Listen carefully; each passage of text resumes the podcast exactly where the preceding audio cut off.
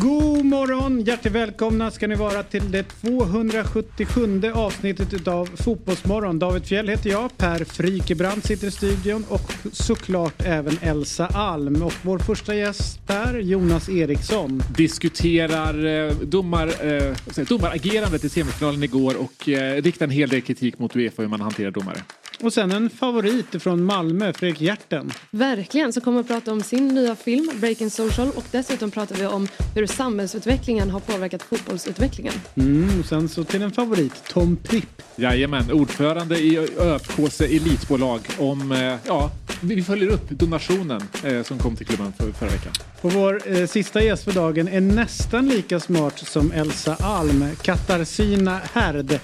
Ja, det är ju skönt med någon som faktiskt har högskolepoäng kring eh, sportswashing för hon reder ju absolut ut kring utvecklingen där och hur man ska tänka kring de nya övergångarna inom fotbollen. Mm, det är dagens Fotbollsmorgon alltså, välkomna.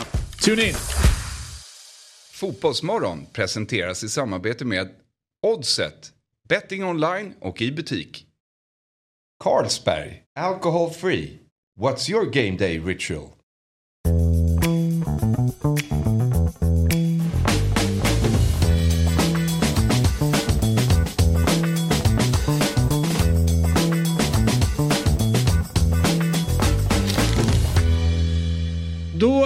Igång med Fotbollsmorgon onsdag 16 augusti vecka 33 och vilken härlig panel när mannen från Branten ner mot Fryken är här. Han är här. Och eh, kanske det vackraste av träd vi har bortsett från ek. Almen. Ja, just det. Ja. Ja. Jag, tror jag, jag, jag tänkte det, vad har jag i mitt namn? Ingenting. Nej, men allting handlar inte om mig. Nej, nej. Det handlar även om Elsa. Jobb, Exakt, exakt. Jobbigt när man får det, kommer till den Ja, insikten. exakt. Ja, exakt. Tog nästan 35 år för mig att inse. precis. Lite main character på dig annars Per. Att eh, ja, jag har en eh, huvudkaraktärs-aura. Nej men eh, alltså det är ju en sån grej att man går runt och tänker att man är huvudkaraktären. Ja, ja, det gör jag och verkligen. sen eh, det är ett ont uppvaknande när man inser att eh, ja. så är det inte i alla andras eh, filmer. Usch, usch. Nej, det är jobbigt. Det är jobbigt. Verkligen. Vi har en kompis som eh, är alltid håller på och alltså oavsett om, om du skulle säga så här. Eh, ja men lite vemodigt nu när man känner att det, att det går mot höst. Du vet så. Och så går det igång att du kanske inte mår bra i det och liknande. Mm. Varför säger du så? Nu vet du hur, hur jobbigt jag tycker att det här är. Man bara, fast det har ingenting med dig att göra. Det är bara rent generellt. Kortare dagar, mörker och man vet vad som väntar. Ja, okej, okej. Alltså, vet du, Allting är liksom centrerat runt Att han är, han är superempatisk eller att det är väldigt egoistisk. egoistiskt. Ja, Ja. Mm. Och ni är nära vänner. ja, jo, det är vi ju. Men det, det har ju, jag kan säga det har ju varit eh, lite grann en källa till eh, konflikt. Lite Med rätt frustration. många. Ja. Han och så är det massa krig överallt. det är väldigt roligt.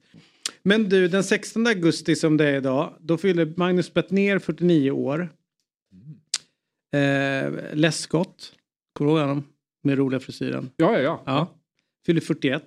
Moussa Sis- Sissoko 34. Uff, ja. En av de eh, vackraste fotbollsspelarna vi haft. Ja. Och eh, Fredrik Wikingsson 50 år. Oj, Oj, mäktigt. Ja. grattis. Och sen så två som inte är kända för er men väldigt mycket för mig. Det är ju Isa och Rio som de heter. Åtta år. Nej, men, Ah. oj. Ja visst är det. Ja. Tog du tårtan från igår? Och... Eh, från förra året. Ja. Frös in och spara.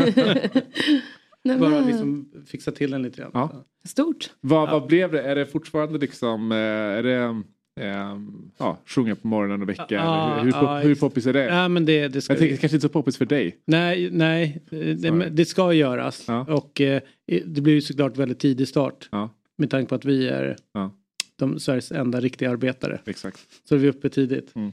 Men eh, så då var det bagarväckning som Mm. det heter. Mm. Upp och hoppa, nu kör vi, fem Ja. på morgonen. Ja. Men hur funkar det? För att jag gissar att de inte sover i samma rum. Nej, men det var vem, det vem var- går ni till först? Ja men det var det som var grejen. För då fick man ju köra den här eh, ni måste sova där inne för jag ska hålla på och fixa med en grej inne på det här rummet. Ah. Och så står man som en verktygslåda. Ja, men smart. Annars kan Ja. det bli riktigt så här Nej, dålig den- stämning när nej, de blir precis. äldre och så. Nej, Jag den vågar man inte. till eh, Exakt. person X rum. Svindyra psykologräkningar som skickas till en. Verkligen, när man inser att man alltid inte får byta. till mig. Din jävel. Jag ser dig låtsas hålla på med verktygslådan nu. Så hamnar lite i bordet och... Ja, men så, alltså, så långt går jag inte. Nej. Utan jag ställer bara in den. Ja. Vad här inne ska jag hålla på och fixa Ja, nu. Gå och lägg er där borta. Varför det? Gör som jag säger. Du, det är också berätta ett eh, skämtdagen. Ja, okej. Har ni några up your sleeves? Inte, inte någon på, eh, på lager. Ehm, jag höll på lite med stand-up i tonåren. Gjorde du det? Ja. Eh, pendlade hit från, från Karlstad. Såg jag på olika konstiga Ja. liksom, Var du på eh, Big Ben då? eh, Ja, bland annat. Mm. Man, kör, man körde ju tre minuter. Ja, du pendlade hit börja. från Karlstad så du, hade ändå, du kunde ändå leva lite på det. Eh, eh, nej, men jag gjorde det. Men jag kunde inte leva på det. Men, men jag levde. jag gjorde det. Var Eh, hans men, du- föräldrar det som pröjsade för hans stand-up-karriär? ja. Du fick det låta som att du liksom arbetspendlade. Ja, nej, nej, alltså det var, det var ren, ren minusaffär. Men man gjorde tre, tre minuter då, två minuter då. Så då öppnade jag alltid varje eh, show, som jag kallar det, med eh, eh, alltså här nervös har jag inte varit sedan jag förlorade oskulden faktiskt. Men, eh, men det var också bara en tre, i två och en halv minut så det här ska nog gå bra. Det var min. Ja, nej, det var din öppningsgrej. Ja, Varje ja, gång? Varje gång. Ja. Okej. Fast Det- sen, när det blev liksom att man skulle köra en halvtimme, då var det inte lika... Nej, det, var inte, det funkar inte. Så, eh, för det höll också på i, i Ja, för det har jag 29 aldrig gjort. minuter. Och, eh, det har jag aldrig 30 gjort, jag vet aldrig. Nej, exakt. Men, eh, nej, men den är nästan på nivå med Robins skämt han drog i måndags. Ja, den var riktigt svag. Ja. Jag Alla fattar heter fortfarande inte. Fast det var, det var ju, den var ju, det var ju bra, det var ett, ett eget skämt. Sånt kan man ju uppskatta. Jag Någonting förstår som, den fortfarande inte. Inte jag heller. nej, det, är- det är konstigt. Men det kanske, det kanske säger mer om dig än om eh, Robin. Ja. Hur ser man att en bil är från Spanien? Eh, växellådan Emanuel. Korrekt. Det är faktiskt väldigt bra Ja. det är ett väldigt bra. men, min, men, men min favorit är fortfarande varför man, hur man kan säga att den är från Turkiet. Vinter till turkarna. Ja. Men jag hörde också att den är, eh, har blivit besiktas. Ja. Mm. Ah, Mm. den var smart. Ja, den var ju bättre. Ja. Och eh, hur många bor i Stockholm? En dryg miljon. Ja. Och första gången jag min hörde det, favorit. ja, då var jag så här, ja men det stämmer nog. Och sen, De bara, en dryg miljon. Jag bara, jo tack jag hörde det, det stämmer. Det är typ en dryg miljon. Ja. Och så var det någon som sitter bredvid, det är ett Göteborgsskämt. Jag bara, vad är, vad är roligt? En dryg miljon. Man bara, åh nej. exakt man måste säga det med den göteborgskan Ja. också. Precis.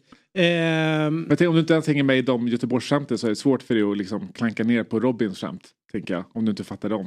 nej, det är det som är så Om jobbigt. du inte fattar nivå ett så blir det svårt att fatta nivå två. Exakt. Liksom. Det är därför jag kände att eh, klarinett nog Ja. inte var liksom, jag var Nej. inte målgruppen för skämtet. Nej.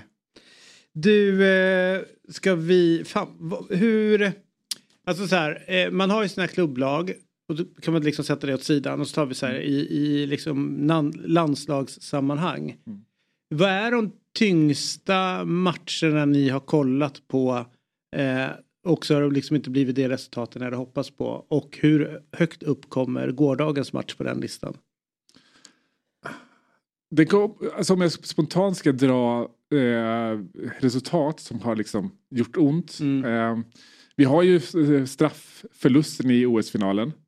Där man liksom ändå, för där man ändå, i, Ja, du tänker när Mm, Seger missar? exakt. Ja. För då var det så här, okej men nu får vi det här jävla guldet till slut. Ja, och hon får eh, Exakt, det var så perfekt. Ja. Eh, sen så kanske man inte hade haft de förhoppningarna innan. Nej. Riktigt, men så som det föll ut. Den är då där uppe. Eh, vi har ju straff. Ja, Senegal och Holland 02-04 Mm. är ju fortfarande liksom. Jag har en bubblare, får jag dra den? Ja. 2000, är det tre? När Sverige förlorar eh, finalen mot Ja, just eh, det, Tyskland. Ja, På Golden Goal som det hette. Ja. Fjant, fjantig grej. den är verkligen. Eh, Felaktig där- frispark ja, dessutom. Exakt. Eh, men den är seg. 04 var jobbig också. Ja. Ja, du för just det, det, det, det, det var ju våra två stora chanser Mm. på här sidan. Eh, och 03 och eh, ja, senaste OS var ju de stora chanserna på, på damsidan. Och här kändes det ju som att vi hade det. Inte för att man tänkte det inför men man har byggt upp en så stark relation till det här landslaget som man väldigt sällan brukar göra. Eh, utifrån så här, vi har haft eh, utifrån hur matcherna har liksom eh, artat sig. Jag menar jag har suttit varje gång vi har gått vidare nu så har jag suttit hemma i soffan och liksom nästan skrattgråtat för att det har varit så mycket känslor kopplat Mm. till varje match. Som när du kör stand-up ungefär. Ja exakt. publiken. Jag Ja. avslutar Ja. med att vi bara gå av och skrattgråta. Ja, för att det, går Ja. så, det så tungt. För det är liksom såhär 25 stycken David Fjäll som sitter där och frågar vad, vad är det han menar? Vad- vad- var det ett skämt? Vadå oskuld? Vad är det för något? Och hur blir man skuld? Eh, nej men eh, för det var ju eh, just för jag tänker så att det som var jobbigt igår var eh, ja, men så totalt sett på hela matchen så kan man ju ett konstatera att eh, landslagsjournalistik är inte helt objektiv om man säger så. Mm. Utan det, det var ju liksom ingenstans någonstans det stod om Spaniens, alltså hur bra de är. Och det är ändå Barcelona-spelare, Real Madrid, att det, alltså det, det är en bra liga. Mm. Och för något år sedan så sa man kolla vad spansk fotboll är på väg. Så det är klart att det var en svår motståndare. Men det låg ju ingenting i papperna inför matchen att Sverige skulle torska den här matchen. Men när man satt och kollade så blev man ju mer, ju längre det gick så blev min känsla, det här kommer ju, det här, det här ser inte bra ut, i synnerhet andra. Så kommer 1-0, Mm. då är det ju kört. Sen när den där kvitteringen kommer, då fick man ju upp sån jävla liksom, nu jävlar är vi på gång. Ja. Då kommer skrattgråtet igen. Sen kommer den där 2-1 grejen. Ja. Ja, det var riktig antiklimax alltså. Alltså det, det får ju inte hända. Det är liksom, Nej, det är, det är så dåligt på... Dels är Aslani som inte riktigt är vaken mm, eh, och tar den ytan. Musovic ska ju ja. ta den också. Mm. Eh, Det är det som är så extra surt. Att säga, vi var inte... Sverige förtjänade inte att gå vidare igår. Det blev en av våra sämre insatser i det här VMet. Eh, Spanien var väl oddsfavoriter innan VM? Väl? Tillsammans med Ja, jag England. tror kanske det var det. Eh, Sverige var tippade sjua. Så Ja. att eh, överlag så har vi ju liksom ändå överpresterat. Men rankade tvåa tror jag när vi gick in i ja, VM. precis. Ja, exakt. Eh, men det är, ja, just så som allting har känts hela, hela VM. Alltså, vi har haft de här marginalerna med oss. Det känns lite så här, det har varit guldvibbar Mm. hela vägen. Nej, exakt. Och vi har haft det absolut tuffaste vägen till final. Så då gå in i Spanien, Spanien-matchen känner man så här, ja, alltså ser man hur matchen var här, Spanien var ju bra. Tyckte nog nästan USA var kanske bättre motstånd i Hade i nästan varit matchen. bättre om vi hade haft Spanien i kvarten. Ja, För att nu blev det ungefär, nu har vi slagit ut mäktiga USA. Mm. Nu är det typ bara Spanien innan vi är i final mot England. Mm. Alltså så var det ju. Men jag tror inte att det handlar om underskattning men liksom Nej, bara, inte. eh, bara känslan runt omkring var ju att nu har vi slagit ut USA ungefär. Det kändes lite, lite som en mättnad. Ja, fast ändå inte. Alltså, men jag fattar hur du menar. Mm. Men jag, jag tror inte att någon som spelar en VM-semifinal är mätt. Du vet så. Det Men- hoppas man inte i alla fall. Nej, men det blir ju något, alltså, eh, ja, nej, men det var ju segt. Och framförallt, det hade varit lättare att köpa om det blev så här 0-3. Fine, Mm. då är det bara att gå vidare. Det blev, eh, vi hade inte en chans. Men så här får det inte gå till. Nej, precis. Och sen så just det, med, med Japan-matchen var ju det så här, vi såg laget ta ett ganska, ganska tydligt steg framåt, eh, ganska tydlig spelidé. Alltså allting funkar i hur vi skulle exekvera vår, vår, vår, vår spelidé. Och så kommer vi till Spanien som är ganska, alltså, lite liknande motståndare Mm. som Japan. Och vi spelar ja, men ungefär så som vi gjorde mot, mot, eh, mot USA. Vi hade så eh, jag menar vår viktigaste spelare i Rolfö hade vi så här, eh, tappade, hon, hon tappade ju bollen hur mycket som helst. Jag tror att hon hade liksom 40% lyckade passningar till exempel. Eh, jag menar, det är så surt när den, de insatserna kommer i det här läget. Men man tänker också sett till en, eh, om det varit ett klubblag och det är eh, 56 matchen och något liknande så är det klart att alla har ju en, en dålig match. Absolut. Alltså, Mm. statistiskt sett. Så ho- hoppas man på att våra bästa spelare under de matcher under mästerskapet är inne i jordens flyt och allting är medstuds. Mm. Men med Rolfö känns det att det inte har varit medstuds någon gång under mästerskapet. Mm. Hon kanske är som du säger den viktigaste Mm. pjäsen vi har. Men sen är det ju, eh, apropå folk som man blir små liksom, eh, ja, tagna av, så är det ju Amanda Ilestedt. Hennes, liksom, hennes VM-resa är ju Ja. från egentligen, ja men de som följer fotboll känner till henne till att eh, vilken jävla hjältinna. Mm. Så jävla cool. Mm. Hon är en av de coolaste målgesterna i, vet de bara ställer sig och kör. Ja, ner på knä Ja, liksom. Ja, ja, Jävligt bra alltså. ja det, det är faktiskt riktigt bra. Har du sett hennes släktträd också? Nej, det har jag ingen koll på alls. Släkt med Tumba. Oj. Ja. Och Oliver Ekman Larsson, eh, NHL-proffset Ja, där. Så ja. det är liksom en riktig så här, idrottsfamilj. Vad häftigt. Ja, både och. Känns lite orättvist. ja, att det liksom lite så här, genetiskt när de kommer fram så är det så här, men du kommer bli bra. Ja. Det är bara att kolla bakåt i stamtavlan. Ja. Jobbigt. Ja. Nej, men hon, hon är verkligen blivit en landsmoder på något sätt. Ja, Fast jag vet, vet inte om jag vill kasta in mamma i det hela. Nej men alltså. Jag tänker så här. Granqvist blev när han var liksom målskytt i VM 18. Mm. Han blev gran med, han blev ju en landsfader. Ja, han blir, ja, men han ja, precis.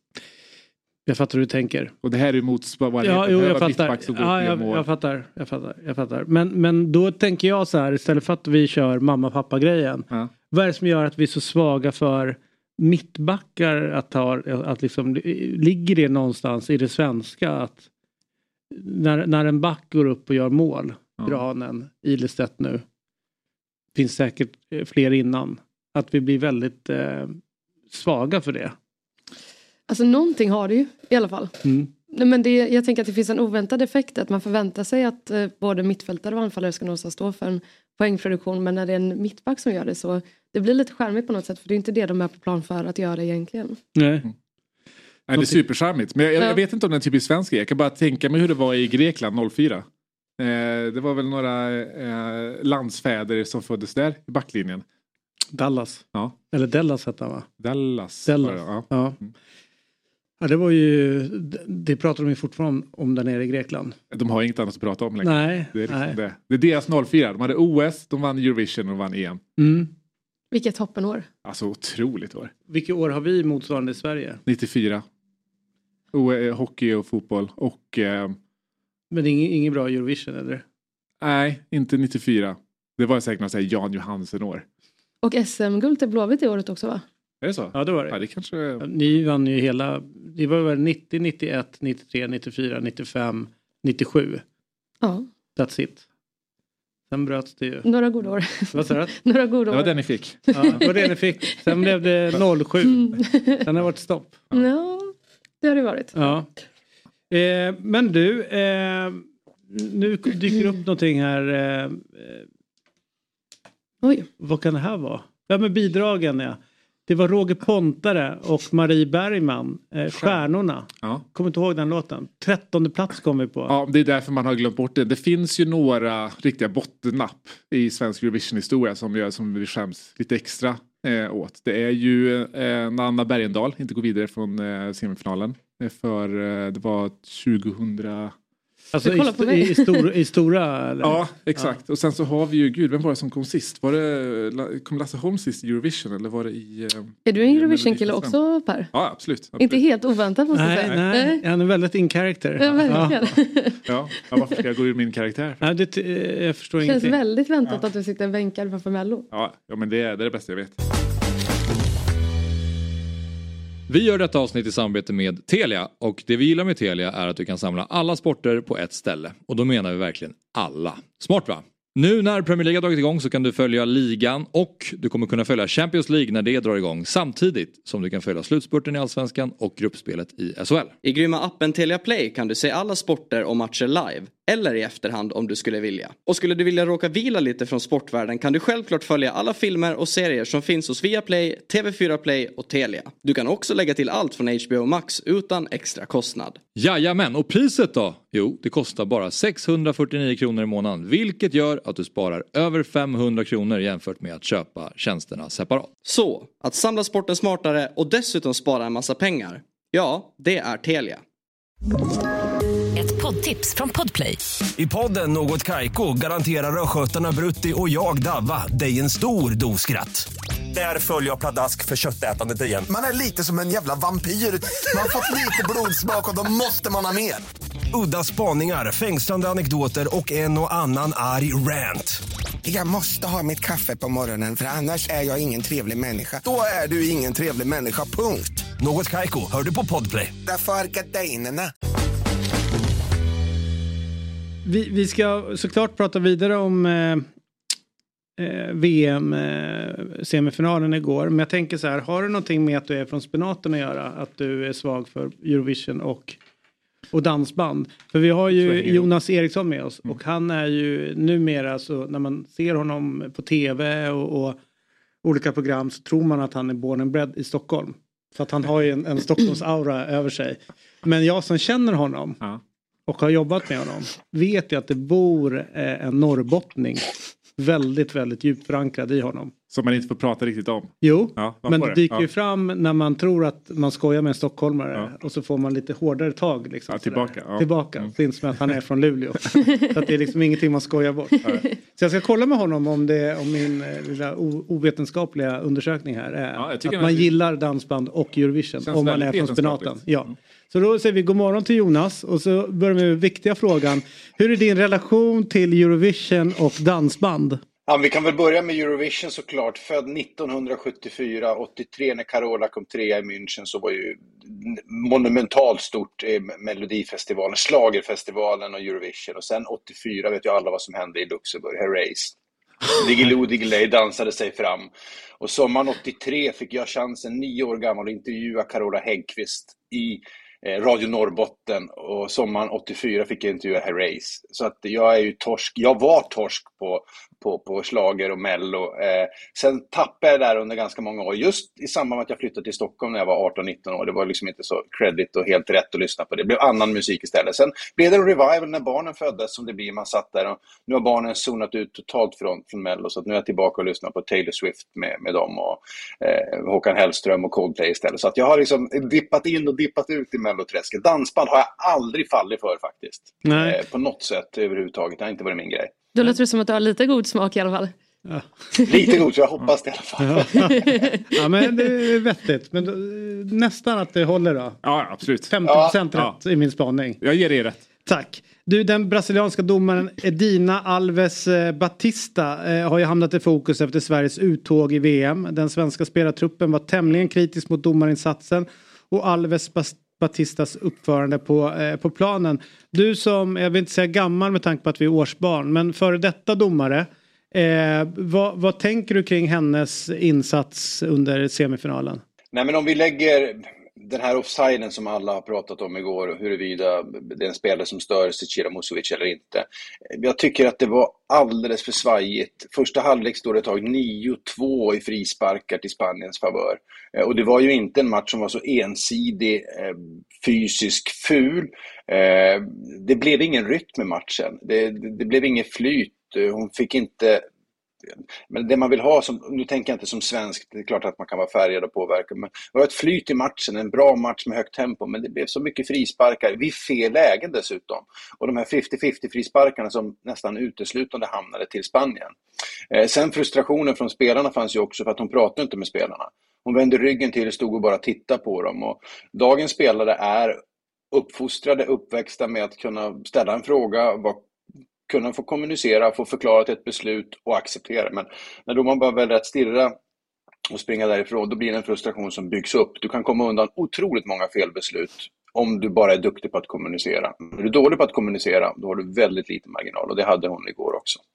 Ehm, Sen såklart, Sverige skulle ha haft ett antal varningar i andra halvlek som hon också missade.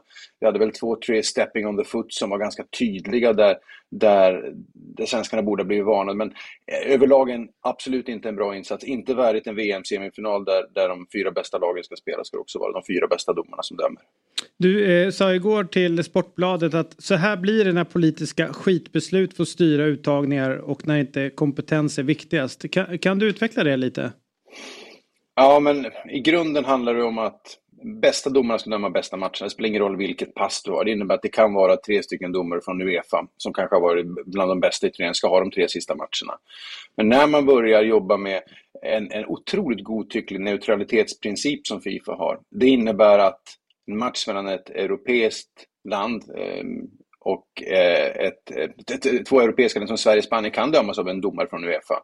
Det behöver inte vara en domare från en annan kontinent utan man, man ser hela tiden till att, ja men nu åkte Brasilien ut, det ska vara en brasiliansk domare, USA åkte ur, det ska vara en amerikansk domare i dagens semifinal.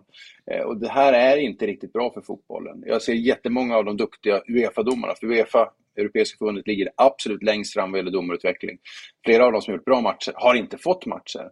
Och istället har man haft då Stephanie Frappart som har varit en duktig domare, men just i den här turneringen inte alls har lyckats. Eh, hon har fått fyra matcher och de har ställt otroligt många andra domare på läktaren. Eh, det är fel. Eh, istället, se till att de bästa domarna får döma bästa matcherna. Då får vi också den bästa fotbollen. Jag tycker att de matcherna som har varit riktigt bra i det här världsmästerskapet, de har varit väldigt bra tack vare att domarna haft en bra, en hög nivå, tillåtit ett fysiskt spel, så det blir fart i matcherna. Eh, och de domarna borde ha premierats med fler matcher istället för färre. Nu kanske folk som lyssnar på dig eh, tror att det här tar du upp bara för att Sverige torskade igår. Men då kan jag hoppa in som djävulens advokat. För vi har jobbat ihop under mästerskap och det här är liksom någonting som du har återkommit till många gånger och det gäller ju också på, här, på här sidan. Eh, och det låter ju fullständigt rimligt att de bästa domarna ska döma de viktigaste matcherna och att det blir någon form av tävling mellan domarna som det är till en viss del eh, under ett eh, mästerskap. Men ändå så landar vi i det här gång på gång på gång. Vem är det som har bestämt att det ska vara på det här sättet och inte ser liksom, hur viktigt det är att sätta de bästa domarna i de viktigaste matcherna? Ja, det är en kultur som har funnits inom Fifa, att det är liksom internationella fotbollförbundet. Man ska veta att ett världsmästerskap är ju ett världsmästerskap på så sätt att det är 32 nationer. Det är inte de 32 bästa, utan det är 32 nationer från hela världen. Och det är väl okej okay, någonstans för att man ska sprida och bygga fotbollen. Det här mästerskapet har visat att uppstickarnationer, jag tänker Colombia, Marocko och liknande, har gjort det fantastiskt. Och vi hade väl knappast trott att Tyskland inte skulle nå slutspelet, eh, att Norge skulle ha det så tufft att ta sig vidare mot, mot betydligt mindre nationer. På domarsidan så eh, tar man ut domare från alla kontinenter och ja, men till en viss del är det viktigt att ha goda förebilder. Jag tycker att fördelningen är fel. Uefa är på damsidan så otroligt långt före de andra konfederationerna. För att det finns, har funnits mer pengar och bättre utveckling här. Många av de här tjejerna som dömer är professionella och, och det är klart att man blir bättre om man gör det professionellt än om man gör det vid sidan av. Eh, men sen när man tar ut domare, eh, jag tror rent teoretiskt när, när Sverige möter Japan till exempel, ett lag från Europa, ett lag som inte är från Europa, så ska då domaren egentligen enligt regelverket inte komma från Europa och ska egentligen inte heller komma från eh, Asien. Men den här principen de har, den, den struntar de i ibland. Och det tycker jag är uppfriskande. Det gjorde de i kvartsfinalen när Ester Staubli från Schweiz fick döma. Så helt plötsligt hade man en neutral domare eh, och Ester Staubli, eh, hon var en fantastiskt bra domare. Vi kan tycka vad vi vill om straffen. Och, som gick emot Sverige, det var stod på sig och sa att det här är fel. Men hon, hon hade en hög och bra nivå, det blev kamp. Sådana domare ska vi ha. Och det spelar ingen roll. Vem bryr sig om man kommer från Schweiz eller Sverige? Just nu kan vi många blanda ihop de nationerna mm. när man är, inte kommer från Europa. Men, men generellt sett, en schweizisk domare har väl ingen fördel för Sverige i en match mot Japan. Det är nonsens. Eh, det finns ju inte alls de lojaliteterna överhuvudtaget. Så de bästa domarna ska döma de bästa matcherna. Bortse från den här nationalitets och neutralitetsprincipen. Eh, matcha de domarna som är i form, som har gjort det bra. Svenska Tess Olofsson, ett exempel. Två fantastiskt bra gruppspelsmatcher. Ingen snackade om henne. Eh, det var Danmark-England i sista gruppspelsomgången, gjorde de fantastiskt bra. Sen dess, inte en match. Att inte hon har fått en match är en gåta. Hon är en fantastiskt bra domare och en av de bästa i turneringen, men har inte fått ett uppdrag till. Bra att tar upp Tess för att hon är en av de som då börjar ramla in på här sidan. Eh, mm. Varför släpper man inte mer på just att det är så genusbundet också? Att de bästa domarna ska döma oavsett om det är här eller dam i, herr, mm. i herrfotbollen och damfotbollen. Ja, nej, men det är en jättespännande fråga och jag vet att eh, frågan ställdes till svenska damlandslaget innan mästerskapet. De tyckte att ja, det ska vara könsneutralt, låt de bästa domarna döma oss. Och det tycker jag också i grunden. Men vi är just nu i en övergångsperiod. Eh, de bästa tjejerna i Europa, och jag räknar Tess Olofsson verkligen som en av dem, hon har fått göra det här på heltid i två års tid. Hon har under väldigt kort tid haft samma förutsättningar som de bästa manliga domarna. Eh, och det är klart, skulle vi rankingmässigt skicka en annan svensk domare dit, Tess är rankad kanske 13, 12, 13, hon är inte allsvenskan, hon är alldeles utanför allsvenskan. Hon kanske rankad 13, 14, 15 i, i Sverige. Om du då tittar in i allsvenskan till exempel så finns det då 12 domare, att vi skickar någon av dem dit istället. Det hade vi kunnat göra för att då på pappret ha en bättre domare.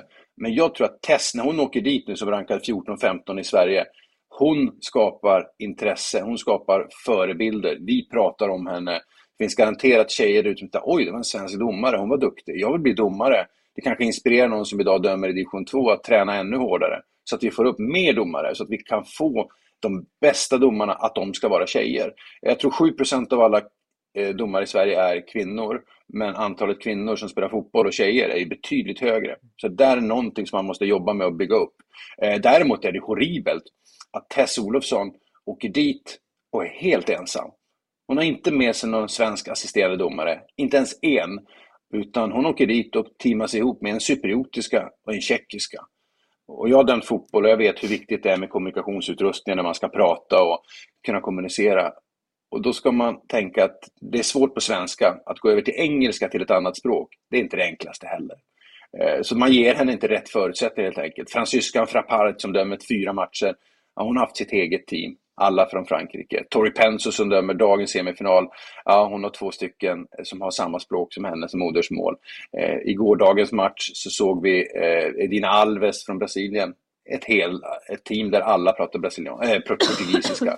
Så att man ger ju inte alla domare samma förutsättningar. Det är ungefär som att du säger till ett landslag, hörni, ni, ni får eh, tre månader på er att förbereda er. Och så ett annat landslag, ni får, ni får tre dagar. Vem presterar bäst? Självklart de som får prestera, träna upp så länge som möjligt.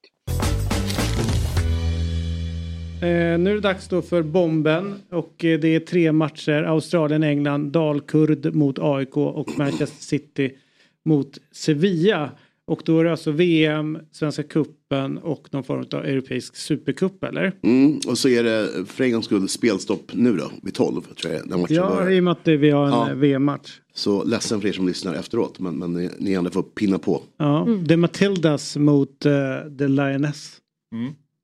The Lionesses. Ja, Lionesses. Ja. De eh, har jag ju tippat som vinnare. Jag tror de vinner hela skiten. Och är väl det bästa laget som är kvar. Ja. Så. Jag tror de vinner. Jag tror de vinner ganska, eh, ganska enkelt ändå någonstans. Eh, men det ska bli kul match att titta på. Eh, synd för Tony Gustafsson men eh, your time is up. Som man säger. Eh, sen har vi din, ditt lag, AIK. Ja, jag tror du skulle säga Dalkurd men inte mitt. Nej, AIK. nej. Men det är väl sån här grej att kuppen är ett sätt att rädda det här lite grann. Så ni måste ju in i slutspelet, så är det bara. Så ni, mm. ni hittar vila spelare. Och Dalkurd är ju faktiskt två divisioner under. Så jag tror ni vinner ganska enkelt. Men ett mål kan ni få in, det är inte omöjligt. Nej. Och sen så Manchester City mot Sevilla. Är det Supercupen? Alltså vinnaren utav Europa League mot vinnaren i Exakt, vi Champions mötte League. Chelsea någon gång här för några år sedan. Och det är en bisarr övning där. Ja. Men eh, jag tror att City vill vinna det där. För de, det, det har ju inte vunnit onekligen. Som inte har vunnit Champions League förut. Så för Pep är det nog rätt viktigt. Och Haaland har ju haft eh, show mot Sevilla förut. I Dortmund och eh, sådär. Så jag tror verkligen det kan bli mycket mål. Mm. Sevilla såg jättedåliga ut mot Valencia i helgen också. Eh, så att jag tror att det här blir en eh, storstryk i. Spelar de. ja, något sånt. 216 rader. Är det andels-Janner på den här eller? Nej, utan jag tänker att man kanske går ihop några stycken. Ja, hur? ja. Tre stycken polare kanske sitter på den här kupongen. Och Ja, det är fint. låter dagen ticka på. Så är det. Och eh, bomben eh, slash oddset är ju ett spel från Svenska Spel, Sport och Casino AB. Åldersgränsen 18 år. Och om du har problem med ditt spelande finns stödlinjen.se. Fick ihop allt. Ja, det är otroligt. Är stolt. Tackar.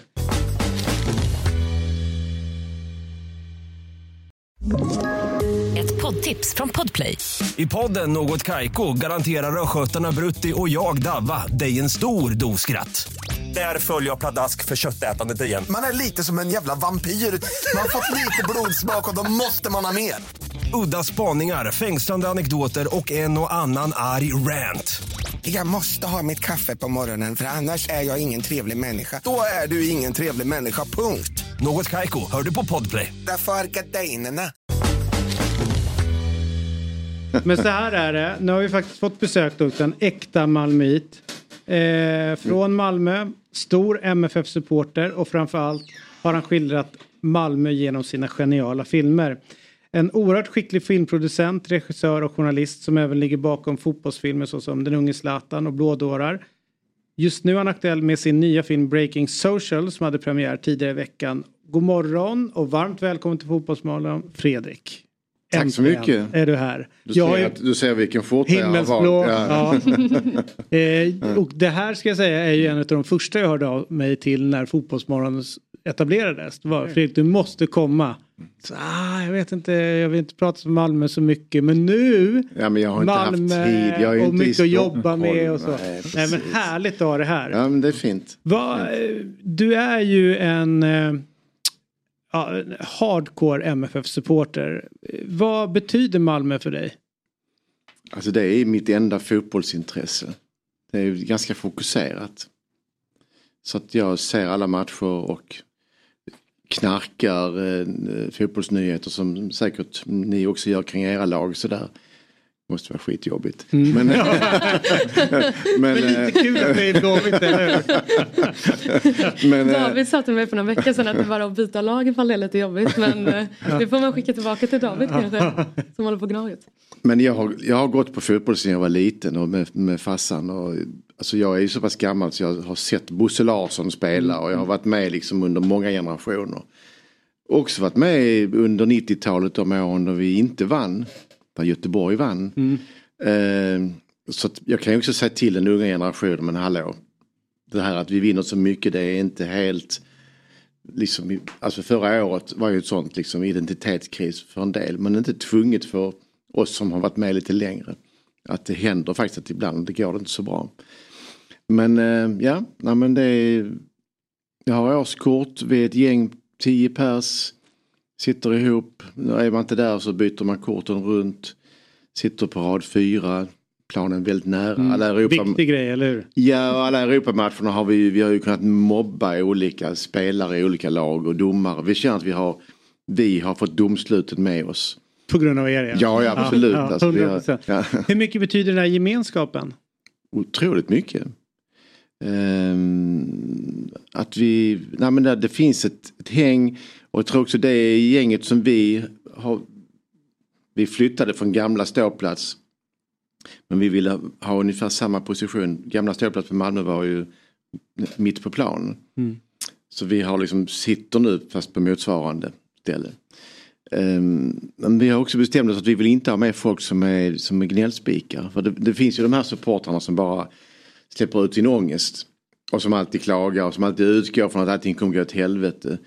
Men vi har mer liksom, vi har kul även när vi förlorar. Mm. Vilket jag tycker är en fördel. Framförallt då för AIK och Göteborg. Sådär. Ja. Man måste ju, och Göteborg verkar ha det. Det verkar otroligt eh, så mycket folk och så god stämning. Trots att det inte går så bra. Jag, jag, jag, kan, jag kan fatta att det är, det är ganska gött. Om man liksom kan hitta den eh, känslan. Så var det, jag var ju med när AIK bankade ut oss ur allsvenskan då, 99. Jag var ju uppe på Råsunda. Mm, Ehm, och eh, MFF-klacken sjöng Life is brighter, alltså Monty Python sjöng dem. Så Det är ändå ganska gött att ta det så. Mm. Även om det gjorde jävligt ont ändå såklart. Det var en fin match. Eh, men, eh, Zlatan var inne och spelade några minuter där. ja, visst. Ja. Du, apropå Zlatan så eh, vi nämnde ju det innan eh, du kom hit. Eh, Blådårar är ju en eh, serie som betyder, eller betyder, som fascinerade mig otroligt mycket. Jag tror de flesta som kollar på det. Där och då var det ju väldigt nära klubben att följa Malmö så pass nära. Är du lika nära Malmö idag skulle du säga? Inte alls. Inte alls. Um, alltså när vi började göra filmerna så var det ju också det här suget att få lov att komma nära sin passion och få, liksom få se det från insidan och sådär. Men och då var man ju mycket, man hängde på insidan, man var på pressläktaren och allt sånt där. Men pressläktaren är ju skittråkigt. Mm. Logerna är tråkigt, sponsorerna är tråkiga. Så spon- sponsorerna håller ju kanske inte ens på ett lag, de är ju bara där för att businessens skull. Så vi vill liksom, jag vill liksom helt ut. Jag vill hänga med mina polare, se mitt lag. Jag vill inte ha, jag vill inte ha det andra. Sen är det klart att jag känner ju folk som är i klubben och jag har lite, jag har ingångar och sådär. Men, men jag vill liksom inte vara på insidan på det sättet. Nej.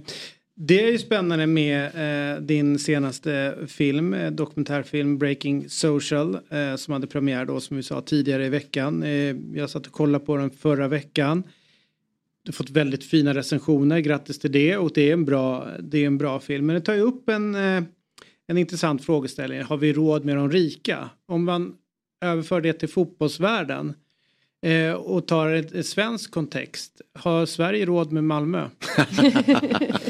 Lysande, lysande. Hur länge tänkte du när du fick till den? Jag ska ha en riktigt smart första fråga. Shit alltså, det är fem poäng där alltså. Mm. Av tio. Tack. Men ändå mitten. Hade tagit det i AIK-kontext i år.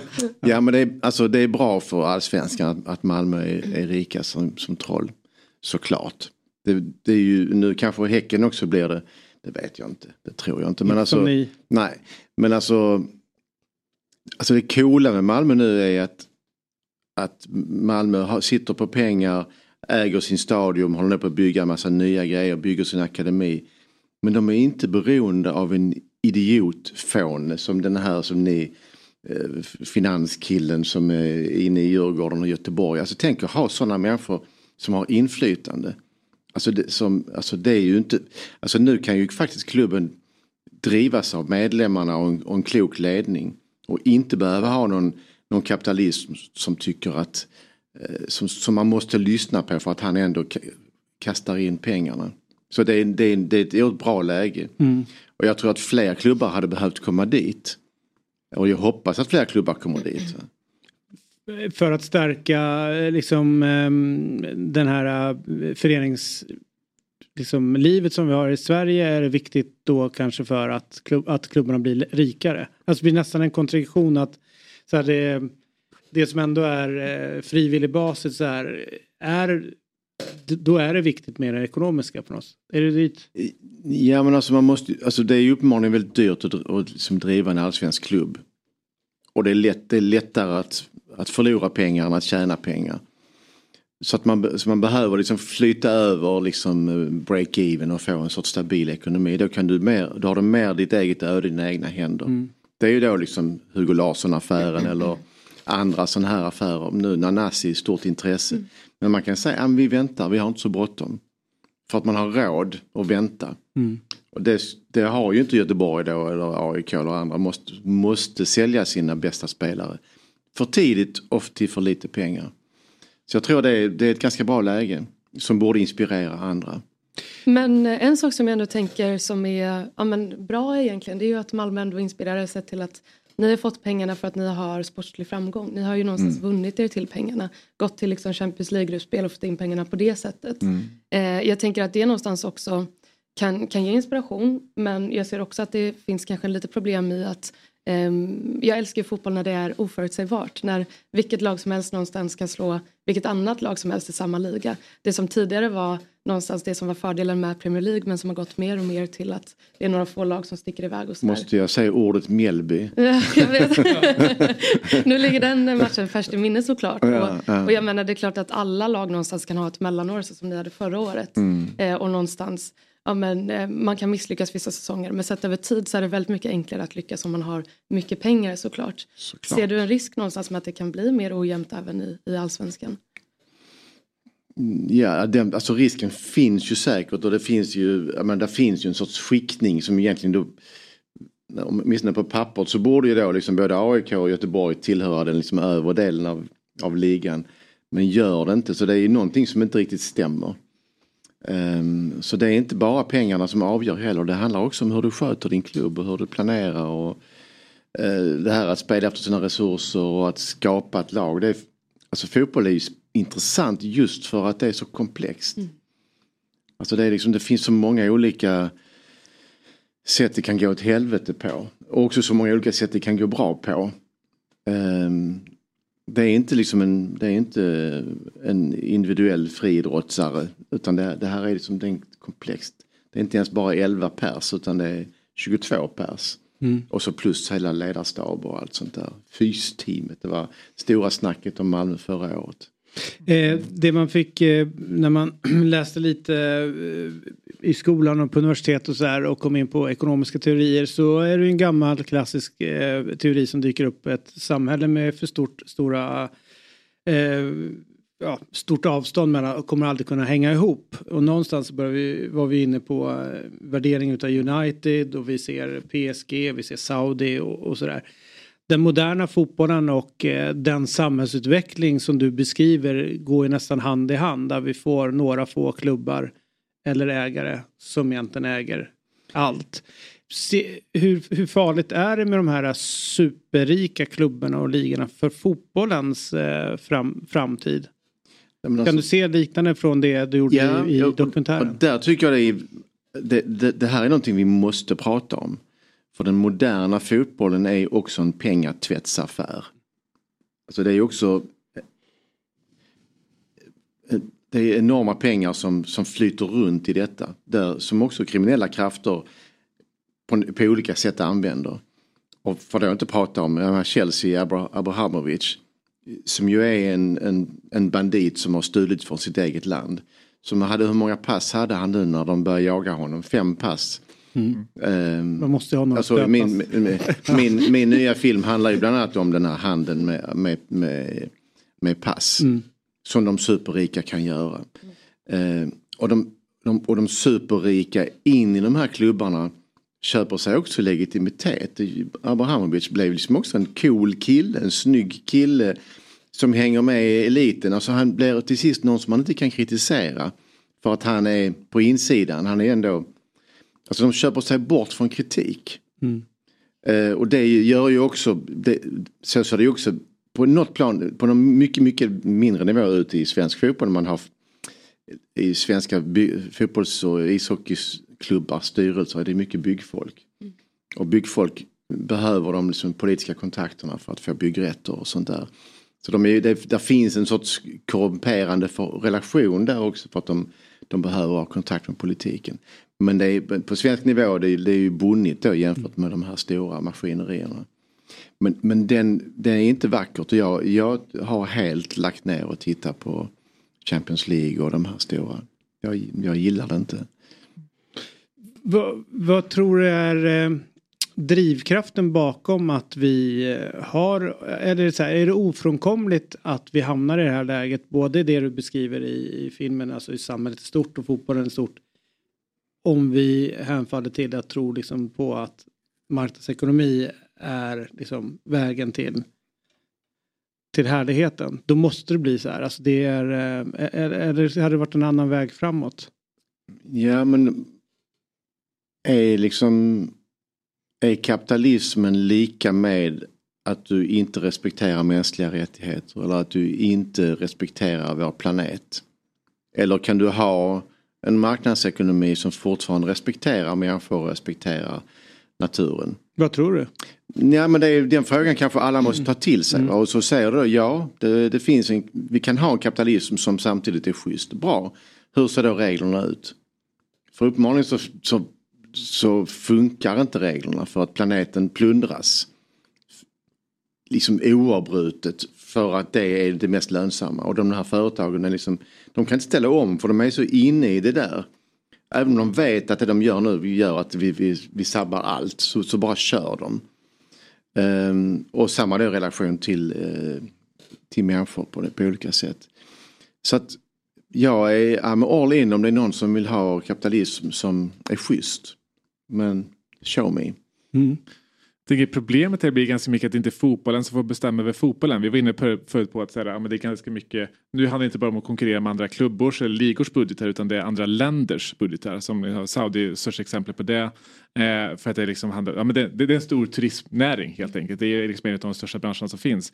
Men det är inte saudierna som är ensamma om det. Vi har liksom, eh, nu fram tills La Liga ändrade reglerna så var ju eh, hade, Barca och Real hade ju, ska vi säga, ganska förmånlig relation med de statliga bankerna. Mm. Där. Eh, vi ser ju i, med, med Qatar och PSG där att det var ju vad det verkar förmodligen en del av liksom övertalningen för att få liksom Frankrikes röst till att ha världsmästerskapet i Qatar. Mm. Var att liksom också Qatar skulle ta över PSG och göra det till en storklubb. Mm. Eh, vi har i England med hur men, eh, FA och Premier League har sagt att vi ska inte ta in statliga ägare. Och så går det ett år och så släpper man in Newcastle, eller Saudi som statlig ägare. Det känns på något sätt som att Finns det, har du sett när du har kollat runt något exempel på där man kanske har liksom sett den här typen av utveckling och lyckats ta tillbaka makten till liksom sin bransch, industri, sport eller organisation eller vad det nu än är. För här känns det som att här, det är inte fotbollen nödvändigtvis som säljer ut sig själv utan det är liksom fotbollens länder som säljer ut sin fotboll. Mm. Ja, jag, har, jag har inget bra exempel men, men, men du, är helt, du är helt rätt på det. Alltså det och, och vill vi ha det så Eh, att liksom nu Saudi pumpar in en jävla massa pengar som inte handlar om fotboll. Som handlar om de, de håller på att diversifiera sin ekonomi för att oljan kommer att ta slut. De måste flytta pengar någon annanstans. Så de, de investerar ju sitt olja, det är Qatar är likadant. Alltså de, de liksom vill, de vill, ja, de vill, ja, de vill, de vill ändra sin ekonomi på, på lång sikt och de har enorma pengar att lägga på detta. Och nu är fotbollen ytterligare en del av detta. Så vill, vill vi att fotbollen ska vara en del av, av att tvätta en mördarregims ansikte? Eller en korrupt eh, mans ansikte som Abrahamovic eller den här killen som gick in och köpte City för länge sedan, Mm. thailändaren. Alltså du vet. Alltså, det, det är liksom ganska, det är ju ganska galet liksom. Eller jag vet, Malmö vi mötte Granada i, i eh, Europa League och de hade ju ingen ranking alls. Men så var det någon kines som hade köpt dem. Plötsligt så var det boom, liksom ett helt annat lag. Alltså vill vi ha det sådär? Det är liksom ganska, ganska galet. Jag tänker ett exempel som ändå finns det är att Bayern München ganska nyligen slutade ha Qatar Airways som huvudsponsor. Va? Eh, trots att medlemmarna har tryckt på i många, många år så sa man nu att nu när man kommit till liksom en, ja, men ett slut på det här fastän man inte använder det argumentet då att det faktiskt har varit kritik liksom mot den typen av, av sponsorspengar och sådär. Man ska också komma ihåg att Tyskland är ju fortfarande ett land där det finns liksom, de kallar det för 50 plus en regeln eh, och det är lite motsvarande den 51% regel vi har i Sverige. Eh, men det krävs ju att man har den. Däremot så eh, när man pratar om tysk fotboll så har ju de andra influenser också, det vill säga eh, väldigt stora bilmärken som sponsrar klubbarna vilket gör att de ändå får in ganska mycket pengar.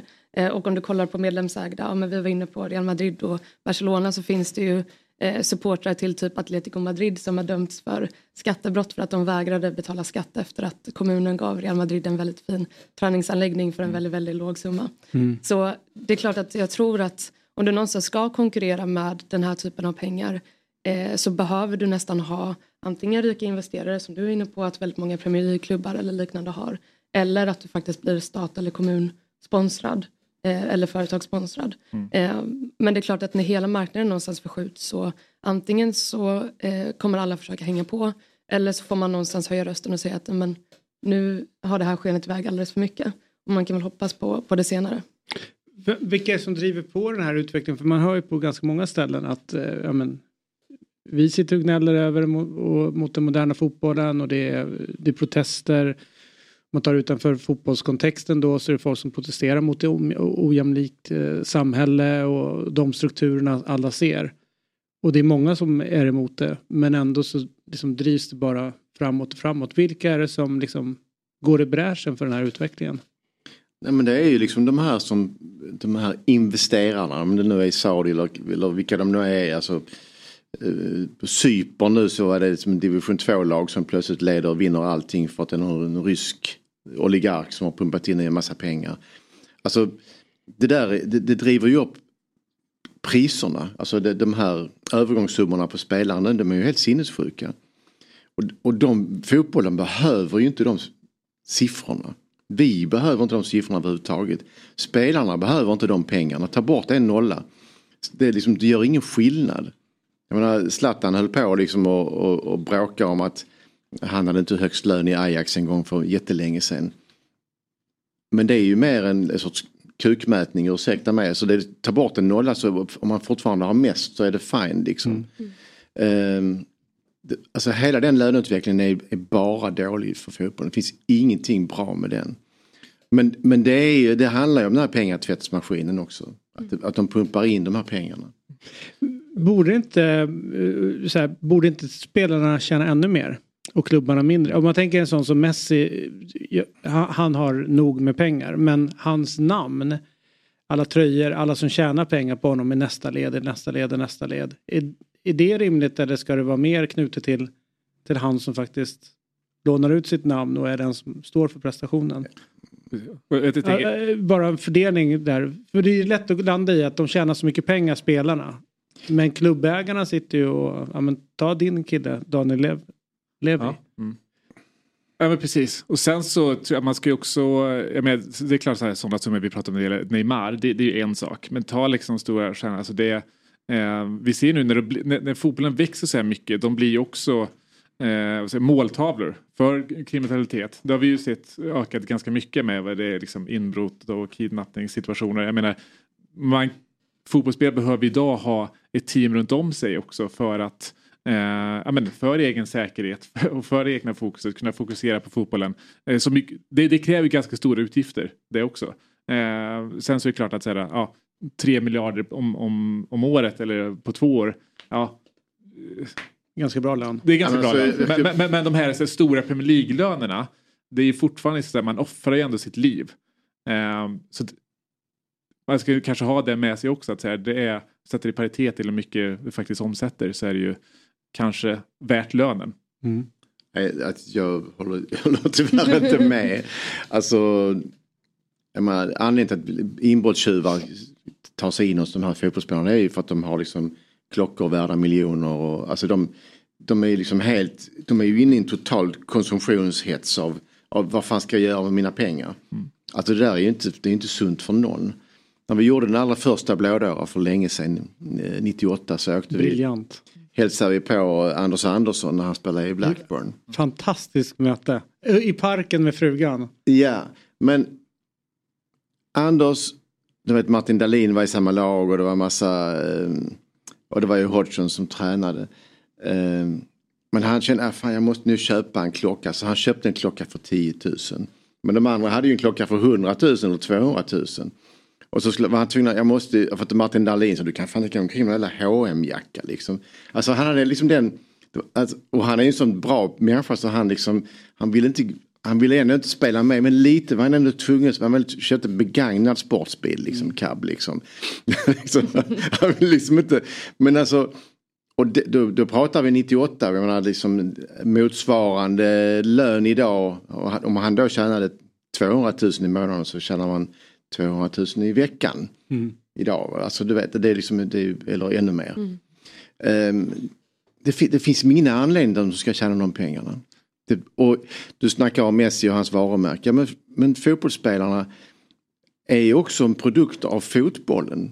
Alltså de är ju också de är, dels är, är de ju del av ett lag och det är ett lag som gör dem bra.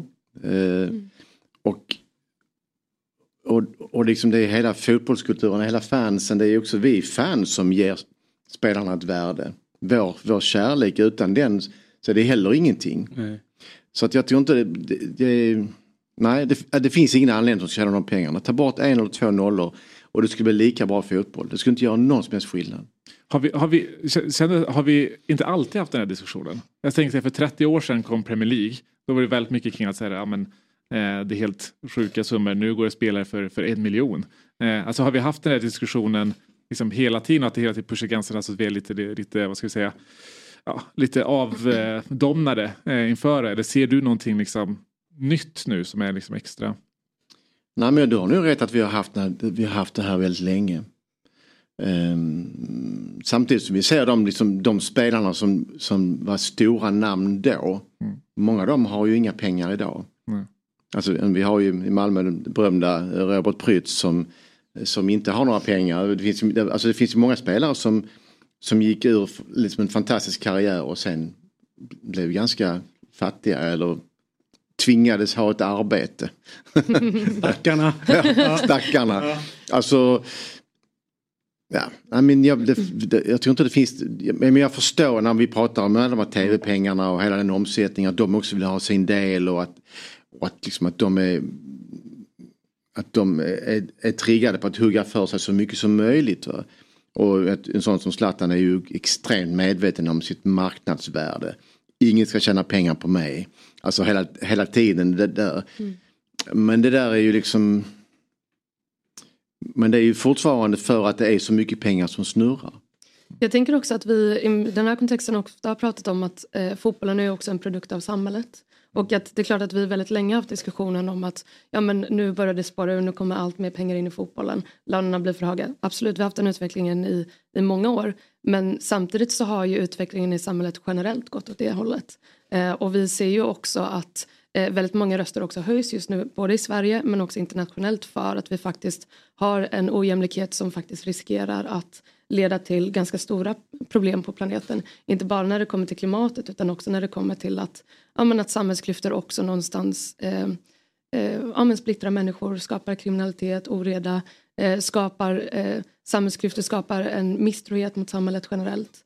Eh, och att eh, det är klart att fotbollen också är en produkt av den samhällsutvecklingen. Ja. Eh, Där, där, en som illustrerar det där väldigt fint är ju Marcus Rashford i Manchester United som har dragit igång en kampanj för skollunch till barnen. För i England så är ju klassklyftorna är ju, är ju värre än någonsin. Och nu pratar man om flera miljoner barn som inte äter ordentligt varje dag. Miljoner barn.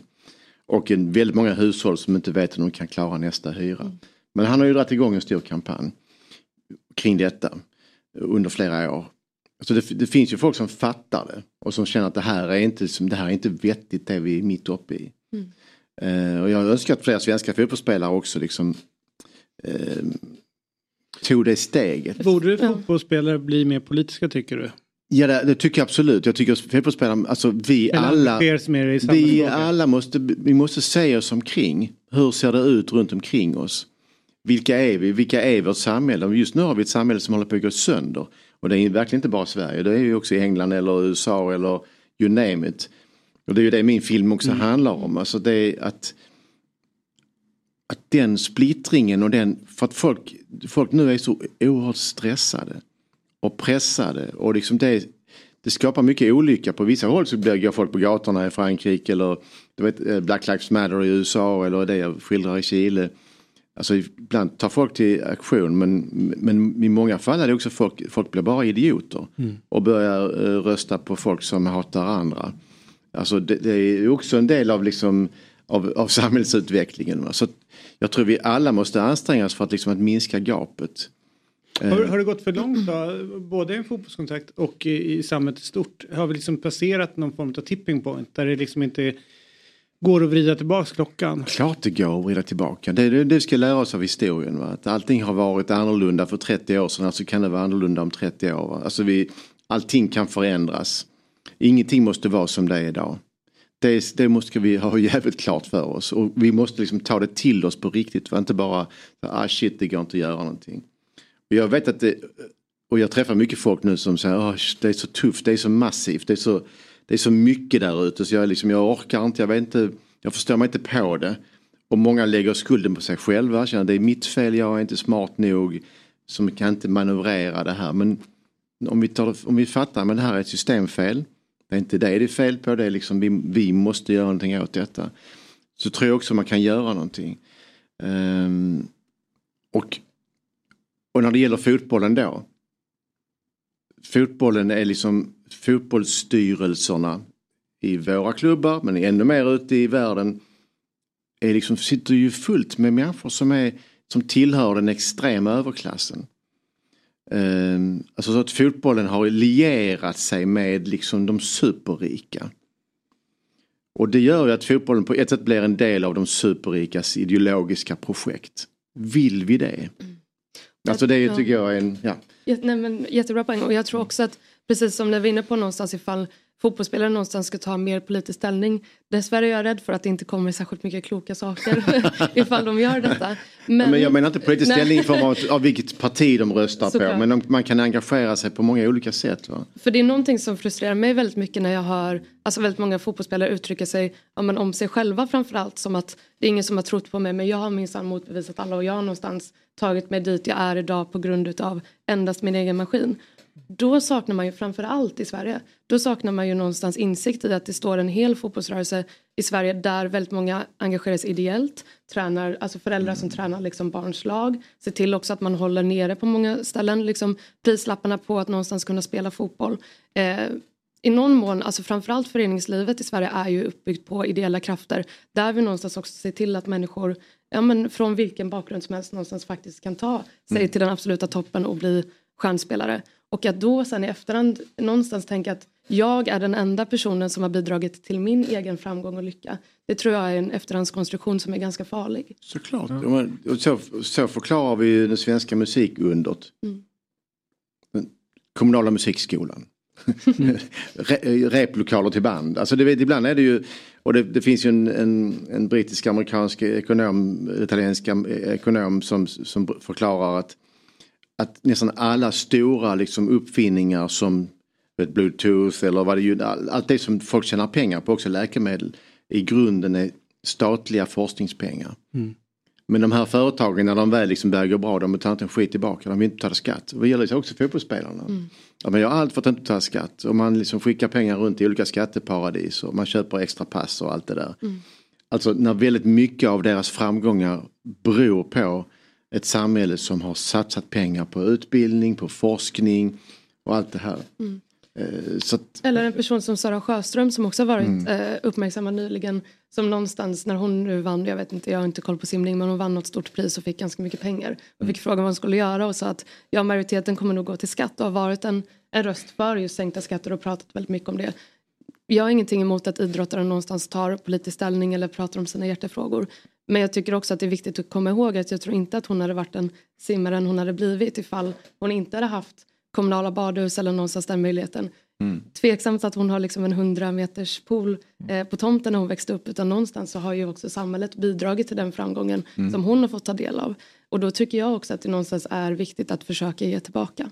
Det där är ju en sorts Pippi Långstrump-moral också. Va? Om, om du är stor och stark ska du vara väldigt snäll. Om du nu är Bamse, jag vet inte vem det är. Men det är, liksom, det, det är åtminstone Ja. någonting. Ja, men du har yngre barn så du vet bättre. Men det är, ju- det är liksom den moralen är ändå liksom. Jag tycker den är schysst. Det är en sorts svensk eh, grundmoral. Liksom. Är du stor och stark, men var schysst då.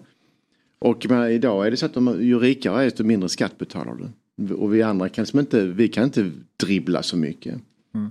Vad, vad, vad var det största findings eller någonting? När, när du gjorde Breaking Social, vad var det som du blev mest överraskad eller så här aha eller åh nej är det så här illa? Alltså det som stack ut för dig i din research eller när du... Det, det coola är det som, den här, som, jag, som tog mig ett ganska bra var, var den här holländska historikern Rutger Bregman som är med i filmen som tar fram det här survival of the fittest.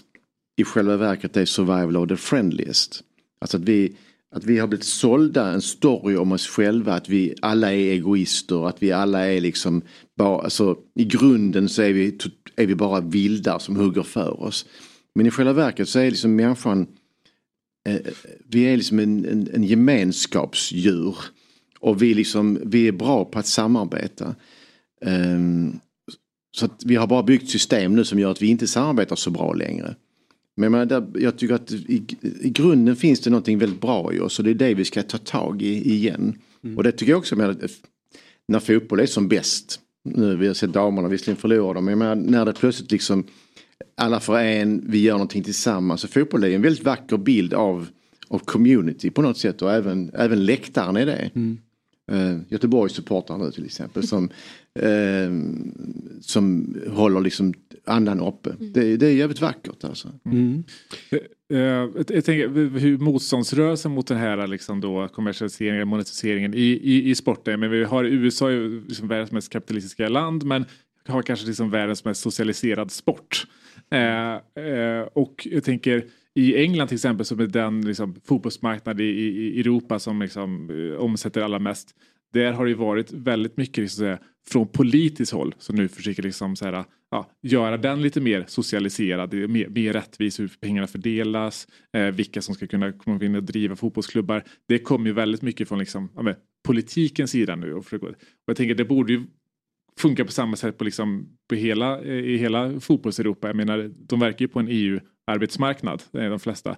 Ser du några liksom, sådana liksom, strömmar inom politiken att kanske använda också liksom, eh, vad ska vi säga, sporten som någon form av liksom, antikapitalistiskt slagträ? Jag, jag kan för lite om, om det som, som kokar just nu på den fronten. Alltså, men, men, men fotbollen som en allians med de superrika är inte så vackert. Det, det borde vi göra någonting åt eftersom fotbollen i grunden är finansierad av både supportrar och av, av, liksom, av den ideella krafter och sådär. Så att det är som det, den, den relationen borde vi försöka bryta.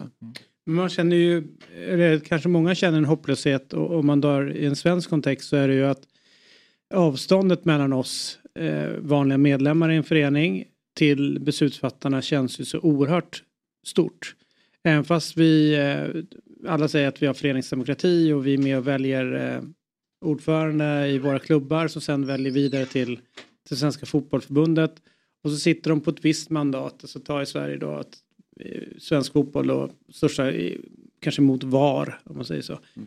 Men vi har en ordförande som driver någonting i en annan riktning och då undrar man helt plötsligt så blir det en one man show med någon då som sen gör karriär in i Uefa och, och sen tappar man liksom bort själva uppdraget eller mandatet som man Tänker du sitter på Reinfeldt nu? eller? Ja, lite grann så. eh, Han och- sitter också i styrelsen för eh, Heimstaden som är ett ett fastighetsbolag som köper eh, fattiga människors lägenheter runt om i hela världen. Ja, exakt. Ja. Och, och då Så blir, att, eh, då blir mm. avstånd där känslan är att man inte kan påverka. Eh, jag kommer ihåg, eh, det var ju många runt Råsunda som var emot att liksom eh, bevara det och Mm. det var namnunderskrifter och sen visade det sig att det var svarta pengar som skickades inom kommunen. Stadsdirektörer och fastighetsutvecklare Mm. och, och, sådana saker som gjorde att man var helt chanslösa trots att en majoritet var, var emot någonting. Just den här hopplösheten, hur, som många då kanske upplever, hur stort hot är det mot att liksom komma till rätt med den här utvecklingen inom fotbollen som vi kanske inte gillar och, och kanske även tar i andra sammanhang som du har sett när du gjort filmen. Nej, men alltså hopplöshet och uppgivenhet är liksom det sämsta du kan ha om du vill, om du vill förändra någonting. Mm. Så det, det är liksom så det är en väldigt dålig känsla. Den får vi inte ha. Vi måste tro på att vi kan förändra. Ehm, och jag tror faktiskt många som är medlemmar i, i elitklubbarna i Sverige, men jag tror att de flesta Malmö-supportrar känner att de faktiskt kan prata med styrelsen. Mm. Att, att, att, att det finns Det tror jag många gör men jag Så- tänker det är nästa steg. i nästa steg så är det ju så. Och, det, och Reinfeldt kom liksom från ingenstans och inte, ingen vet egentligen vad han... Han har ju inte ens ett program. Det- Nej, det ju- och, det är- och det det ville han inte berätta för oss innan han blev Det vald. är faktiskt oerhört märkligt att, liksom, att vilja ta det jobbet och inte ens berätta vad du vill. Mm. Ehm, för det är, liksom, det är ju ganska rimligt, hederligt att berätta vad du vill. Eh, Utan nu har han bara sålt in sig som en man med en, en fet adressbok och en, en, ett, ett gött renommé liksom. Och Och, jag, jag, jag, jag kommer liksom så, okej men Kanske är han bra. Alltså, jag kan inte gilla hans politik men kanske är han bra för fotbollen. Men nu när han, när han kör på VAR-frågan så visar han ju att han är, är ganska tondöv. Mm. Vilket är lite deppigt. Du Fredrik, innan vi släpper dig eh, så har jag eh, givetvis två frågor kvar. Det ena är ju, vi hade Agon Mehmeti med här i måndags. Fantastisk människa. Kul man ja. Ja. ja. Eh, är det den bästa ramsan som någonsin har eh, sjungits på en fotbollsarena? Ramsan till honom. Ja, den, var, den var väldigt bra men jag tror den, den, den, den roligaste vi hade var ju den som handlade om klippa tung. Som var den här turboturken Ja, här ja, som ja, jag, ja, när, ja. när norsk tv-team kom till Ja, Malmö och sa han ska, klippa tung. Och ska så, titta, och så blev det en sång. efternamn och sen ska jag ta alla, alla. klippa. Det blev en sång av det och den, den var ju helt fantastisk. Och vem var den till? Var det någon spelare eller var det bara generellt? Ja, jag tror det var bara det vi skulle göra tillsammans. Ja. Klippa tung. För det var jävligt roligt med, den är så bra. Men det var roligt med Agon för att han visste inte vad rögad ål var. Och så fick de berätta för honom vad det var för något. Och sen fick han smaka på det. Ja. Det är så, så jävla bra. Tyckte han, tyckte han om det? Nej. Nej. den är svinbra. Men sen hävdar jag att eh, sett till eh, liksom hur, hur man uppfattar en klubb eh, och sen ställer man det i relation till inmarschlåt. Så är det kanske Roma som har en, alltså nästan den optimala liksom, eh, matchen. Men sen är det nästan Malmö. Alltså, och vi älskar Malmö FF. Den, den, den symboliserar ju er väldigt mycket. Alltså lite pompösa, lite liksom att ni stolta. eh, jag gillar inte den alls. Gör inte det? Nej. Men utifrån så känns det som att den är ni. Nej, nej, nej den är, det, det är många som inte gillar den. Den är lite, den, den kommer inte underifrån. Det är lite dålig text. Nej, den är Texten fin. är ju superplatt. Ja. Den är jätteplatt text alltså. Ja, tyvärr är det, jag, jag, jag älskar ju Malmö men, men den, och jag sjunger med därför att det är ändå gött att alla sjunger samma låt. Men den är ju egenskriven, eller hur? För den Ja, det är ju en människa som har skrivit Ja, den men jag själv. tänker att... Nej, men alltså, ta deras, det var, eh, ja, eller så är det AI, vi vet nej. inte. Men det skulle kunna varit ju- AI. Eran är Joel Alme, alltså tagit en existerande låt och gör om till eh, hymn. Och AIK är också, det är ju The Last Farewell med... Det är ju, eh, Elvis har ju spelat in det men det var ju någon annan som gjorde det innan honom. Och som har gjort en remake på den och så blir det då inmarschlåten. Men ni, det här är en egen komponerad eh, bara för det här. Det, det sticker ut lite grann. Men vad märkte att inte du gillar den? Jag tycker den är svinmäktig. Men det är väl ganska många i Malmö som inte gör det. Alltså varje gång man pratar med någon som håller på Malmö så är det så här. Ingen är ett Är det för fan att det av är finkultur, inmarschlåten. för mycket finkultur för er eller? Det hade varit bättre om det var typ någon epadunk. Tänker för staden med arbetar... eh, Nej det vet jag inte. Alltså det är inte så, musik är inte så enkelt. Antingen så går det i hjärtat eller så går det inte i hjärtat. Jag fattar. Så enkelt är det. Ja. Men du innan vi går, jag måste säga, min film går på bio nu. Ja, du måste berätta allt. Få tummarna loss, gå dit, den går på bio i många städer. Eh, och går den inte just din stad så gå till den lokala bio och se till att de bokar filmen och gör det med din förening. Gå ett supportergäng och så snacka om det ni vill snacka om. Och sen kan jag säga, jag- rekommenderar den och egentligen är det liksom så att du behöver inte hålla med Fredrik om liksom hans politiska liksom, eh, värderingar men det är, det är en intressant film att kolla på om man vill få lite koll bara. Hur ser det ut i världen? Alltså, du vet så. Eh, så att jag eh, med stort nöje så kollar jag på den så rekommenderar varmt att se Gött. Fredriks Innan jag går ska, måste jag ta en bild så Ja, ja. Alltså- eller så kan du be Viktor ta bild på alla oss. Kan Så- han ta ja, bild? visst. Vi har kommit till eh, dagens slutpunkt. Eh, Vi är tillbaka imorgon med Fotbollsmorgon 07.00 och sen så hemma på Dobb så är det ju fina grejer som snurrar på. Man kan lösa ett, eh, en prenumeration, månadsprenumeration, 49 kronor per månad upp till 79 kronor per månad på eh, dobb.tv eh, och eh, 599 för helår. Eh, 26 rabatt där med tanke på att inflation och grejer så får man ner priset lite grann där. Eller så är det Youtube Premium 79 kronor per månad. Eller så är det 89, 89 kronor per månad där. Och då kan man vara med och diskutera, ställa frågor, chatta och, och se alla program live och, och så vidare. Och om man inte vill betala för sig så finns vi gratis som poddform. Eh, de allra flesta programmen som vi gör, i synnerhet det här. Mm. Eh, så in och hugg ett, ett medlemskap. Superdeal. Superdeal, så är det. Eh, Elsa, Per och David tackar för den här morgonen. Det var trevligt. Väldigt Som trevligt. alltid med att sitta här med er. Verkligen, superkul. Ja, super, super, super, Super, super superkul. Hej då. Hejdå. Fotbollsmorgon presenteras i samarbete med Oddset, betting online och i butik. Carlsberg, alcohol free. What's your game day ritual?